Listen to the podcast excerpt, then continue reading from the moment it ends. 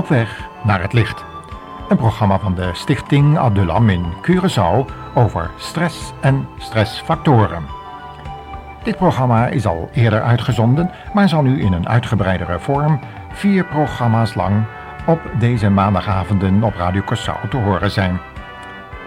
De programmamaker Kees Beekhuizen van de Stichting Adulam wil tevens van deze gelegenheid gebruik maken om de luisteraar te melden van een wijziging in de programma's. De maandagavonden zullen op 1 januari 1995 te beluisteren zijn op Radio Curaçao FM 101.1 in de nachtuitzending bij de avondsluiting. 12 uur dus in de nacht van 1 januari 1995. Dan zullen we weer vanuit de studio's Transwoord Radio in Hilversum deze programmaseries voortzetten. Want Kees Beekhuizen, de programmamaker van deze series, die nu geruim vijf jaar door u te beluisteren zijn geweest op Radio Curaçao FM, maar ook in Aruba en Bonaire, die zal met zijn gezin naar de Nederlanden terugkeren. Wegens uh, gezinsproblemen, ziekte uh, van de echtgenote heeft de dokter geadviseerd om nu terug te keren naar de, naar de Nederlanden. Maar de Antillen blijven in ons hart. En daarmee ook de bewoners van deze Antillen. En daarom willen we graag op het aanbod ingaan van de Radio Curaçao directie om deze programma's in de nachtelijke uren van 1 januari 1995 om 12 uur s'nachts voor te zetten. Wij hopen dat u dan om die tijd nog wakker bent en dat u ook deze programma's op weg naar het licht zult willen beluisteren. En dan nu de herhaling stress en stressfactoren. Hoe kunnen we dat voorkomen en wat is stress eigenlijk? We laten daarvoor Dr. Anders B. van Koten in deze programmaseries aan het woord. Stress. Het onderwerp stress blijft in de belangstelling staan. Bijna iedereen heeft er dagelijks mee te maken, zo zegt Dr. Anders van Koten. Chronische stress is een van de grootste maatschappelijke problemen van deze tijd geworden. En een derde deel van het werkverzuim heeft met aan stress verbonden klachten te maken. Zo bleek uit een EG-onderzoek. Er wordt dus ook veel onderzoek verricht naar stress, maar met name met behulp van diermodellen. En in deze programmaserie willen we daarover met elkaar nadenken.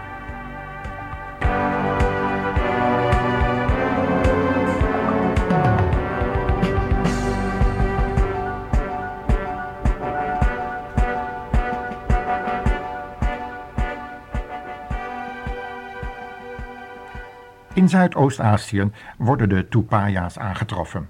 Dieren die nog het meest lijken op onze eekhoorn. Ze leven daar in territoria die vooral door de mannetjes in alle heftigheid wordt verdedigd. In gevangenschap, zo onderzocht de dierenpsycholoog Diedrich von Holst, gebeurt dit zo heftig dat het mannetje dat wordt onderworpen binnen drie weken sterft. Deze dood houdt geen verband met verwondingen of andere directe gevolgen van het gevecht. Bovendien kijkt de overwinnaar nog nauwelijks naar de verliezer om. Maar het heeft te maken met het feit dat de overwinnaar permanent in de buurt is. Als namelijk de dieren na het gevecht door een houten schot van elkaar worden gescheiden, zodat de verliezer de overwinnaar niet meer kan zien, herstelt de verliezer zich even vlug als de overwinnaar zelf. Worden echter de rivalen door een gaasdraadhor van elkaar gescheiden, zodat de verliezer de overwinnaar onafgebroken kan zien, dan verliest de eerste aan lichaamsgewicht en sterft hij van voortdurende angst. Nu blijkt dat de verliezers eigenlijk sterven door de stressreacties die optreden. Bij metingen werd aangetoond dat verschillende lichaamsfuncties helemaal van slag raken. Het hartritme, dat normaal alleen bij inspanning stijgt, blijft bij de verliezer op dat hoge niveau, zelfs nachts. Ook het gehalte van het bijnierschorshormoon blijkt te zijn toegenomen. Het dier raakt uitgeput en het afweersysteem tegen infecties valt uit. Hetgeen leidt tot de dood. Uit het onderzoek blijkt dat de tupaya sterft door overmatige stressreacties. Opmerkelijk is dat soortgelijke storingen in lichaamsfuncties bij de mens ook kunnen optreden in geval van stress. En dan komen we vanzelf bij de vraag: wat is stress nu eigenlijk?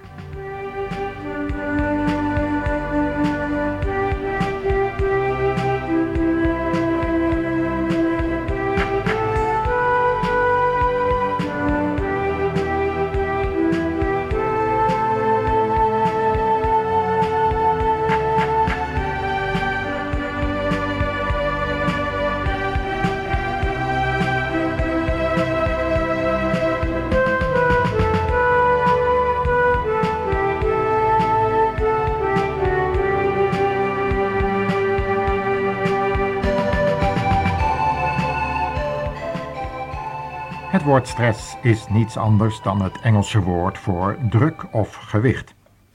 In de 15e eeuw had het alleen betrekking op natuurkundige verschijnselen.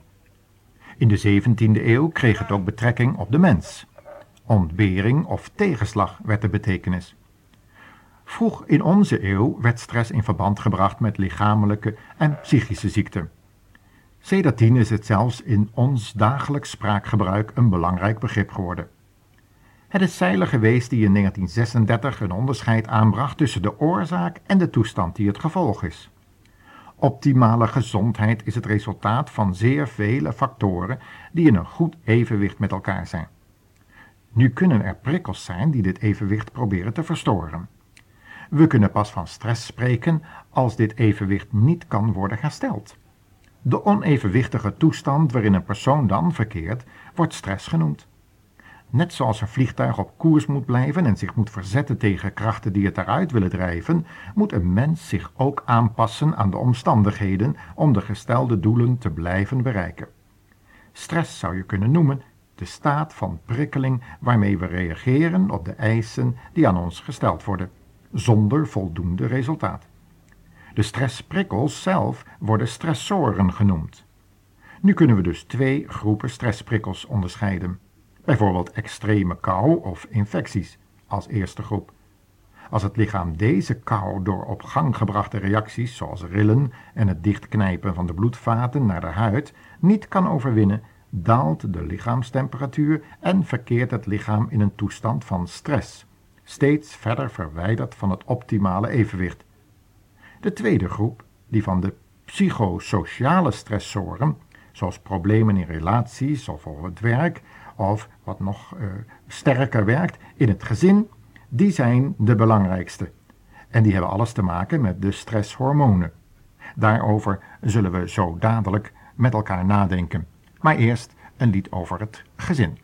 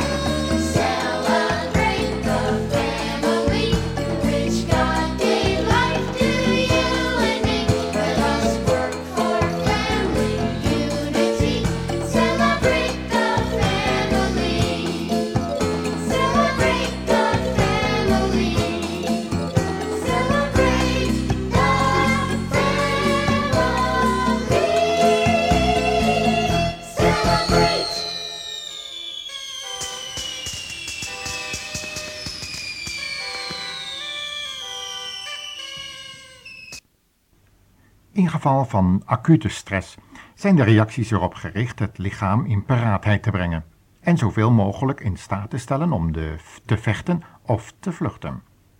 In een plotseling gevaarlijke situatie worden er daartoe stoffen in ons bloed gespoten, de zogenaamde stresshormonen. Hiervan is adrenaline de belangrijkste, dat de hartslag versnelt, de luchtwegen iets verwijt, de huidvaten dichtknijpt en meer suiker vrij laat komen voor energie. Nu treden dit soort reacties ook op als we in de auto zitten en ineens hard moeten remmen, terwijl we van deze paraatheid geen gebruik maken. We weten allemaal uit ervaring hoe snel ons hart dan toch klopt. Hoe kunstmatiger de samenleving daarom is ingericht, des te vaker zal dit soort vormen van stress voorkomen. Bij chronische stress spelen andere hormonen een belangrijke rol. Deze hebben echter vaak een negatieve invloed op ons afweersysteem. Het is eigenlijk merkwaardig dat de hormonale veranderingen die ons in een stresssituatie beter doen functioneren, toch ook nadelen met zich meebrengen. Net zoals bij een overstroming, als we zandzakken voor de deur gooien om het water tegen te houden, maar dan ook moeilijker ons huis kunnen verlaten.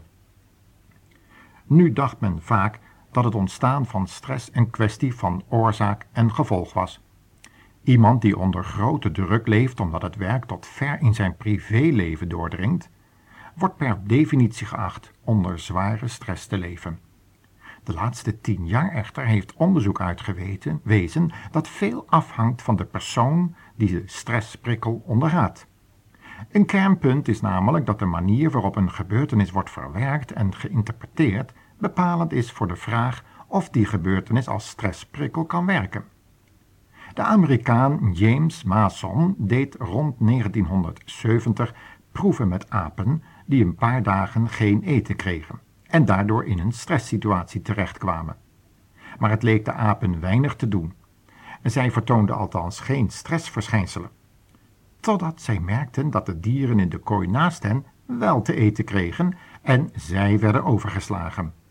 Dat was het moment waarop het systeem werd geactiveerd. Deze nieuwe interpretatie van hun ontbering deed deze ontbering voor hen veranderen in een stressprikkel. Hoe wij een bepaalde situatie beoordelen en interpreteren hangt sterk af van onze ervaringen. Als we een bepaald signaal koppelen aan een negatieve ervaring, dan gaan we dat signaal ook negatief waarderen en verandert dit signaal vanzelf in een stressprikkel. De witte jas van de dokter is op zichzelf niet angstaanjagend, maar wel de dokter die deze jas draagt. Toch kan die witte jas al angst aanjagen, omdat het zien ervan aan een negatieve ervaring wordt gekoppeld.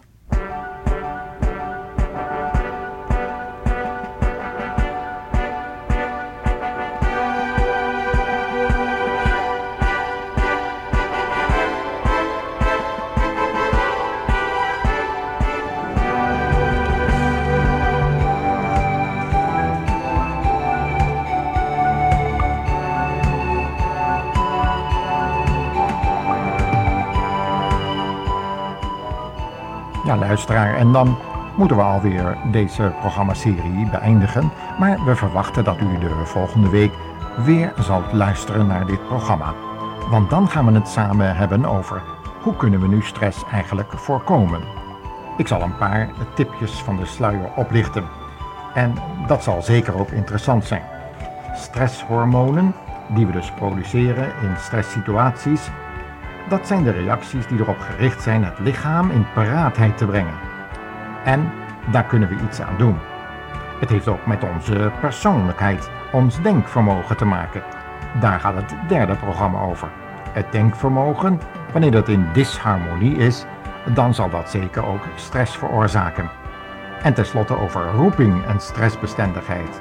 Ook dat is belangrijk dat we onze roeping in overeenstemming zien met onze persoonlijkheid en ervaring en opleiding, want anders zal het zeker stress veroorzaken. We wensen de luisteraar een genoeglijke avond toe en, wat nog belangrijker is, God zegen u en tot een volgende uitzending.